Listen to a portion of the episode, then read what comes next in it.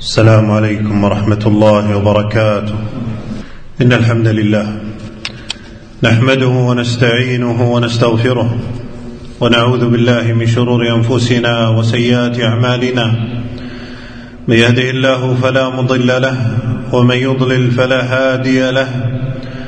وأشهد أن لا إله إلا الله وحده لا شريك له. وأشهد أن محمدا عبده ورسوله. أما بعد فإن أصدق الحديث كلام الله وخير الهدي هدي محمد صلى الله عليه وسلم وشر الأمور محدثاتها وكل محدثة بدعة وكل بدعة ضلالة وكل ضلالة في النار. أما بعد عباد الله من تدبر مرور الأيام والسنوات وسرعة انقضائها وكأنها لحظات. علم أنه كلما انقضى منها شيء اقترب العبد إلى أجله وأزفت ساعته ونقص عمره وهو بعد ذلك مجزي على ما أداه فيها من الطاعات ومؤاخذ على ما اقترفه من السيئات. قيل لمحمد بن واسع رحمه الله كيف أصبحت؟ قال ما ظنك برجل يرتحل كل يوم مرحلة إلى الآخرة. وقال الحسن رحمه الله إنما أنت أيام مجموعة كلما مضى يوم مضى بعضك. والله تعالى لما أقسم بالعصر الذي هو الدهر بين أن الناس جميعا في خسارة.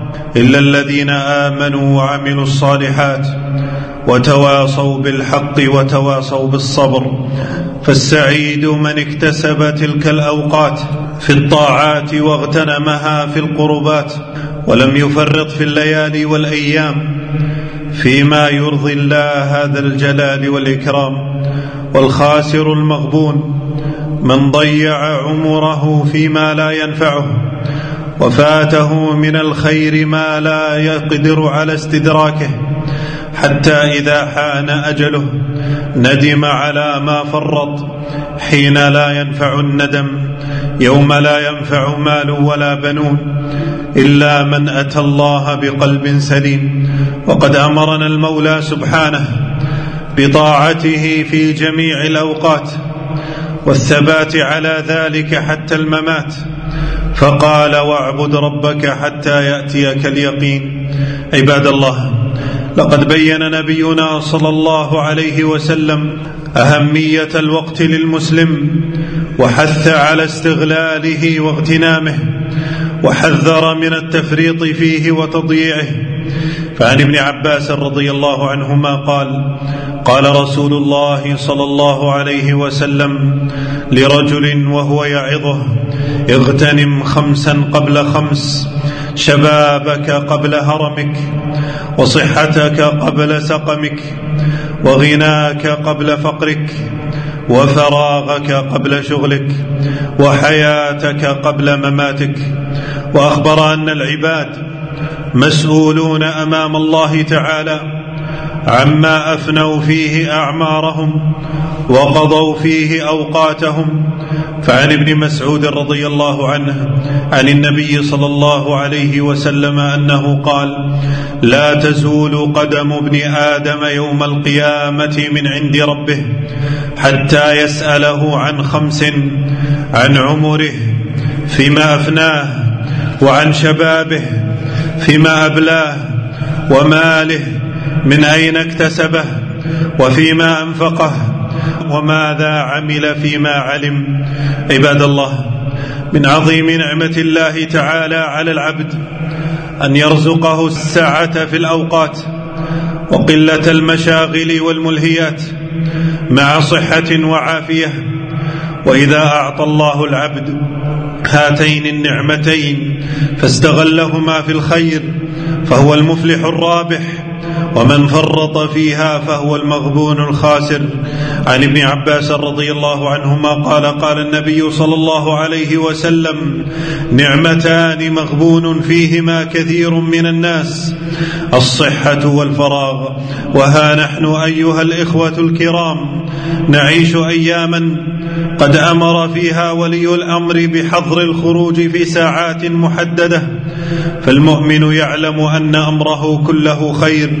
فهو يتقلب في الطاعات أينما كان وفي كل زمان فاستغلوها عباد الله بين قراءة لقرآن وتعلم لما هو مفيد وجلوس مع الأولاد وأهل البيت لمدارسة التوحيد وتعلم أحكام الطهارة والصلاة وغيرها مما يحتاجه المسلم.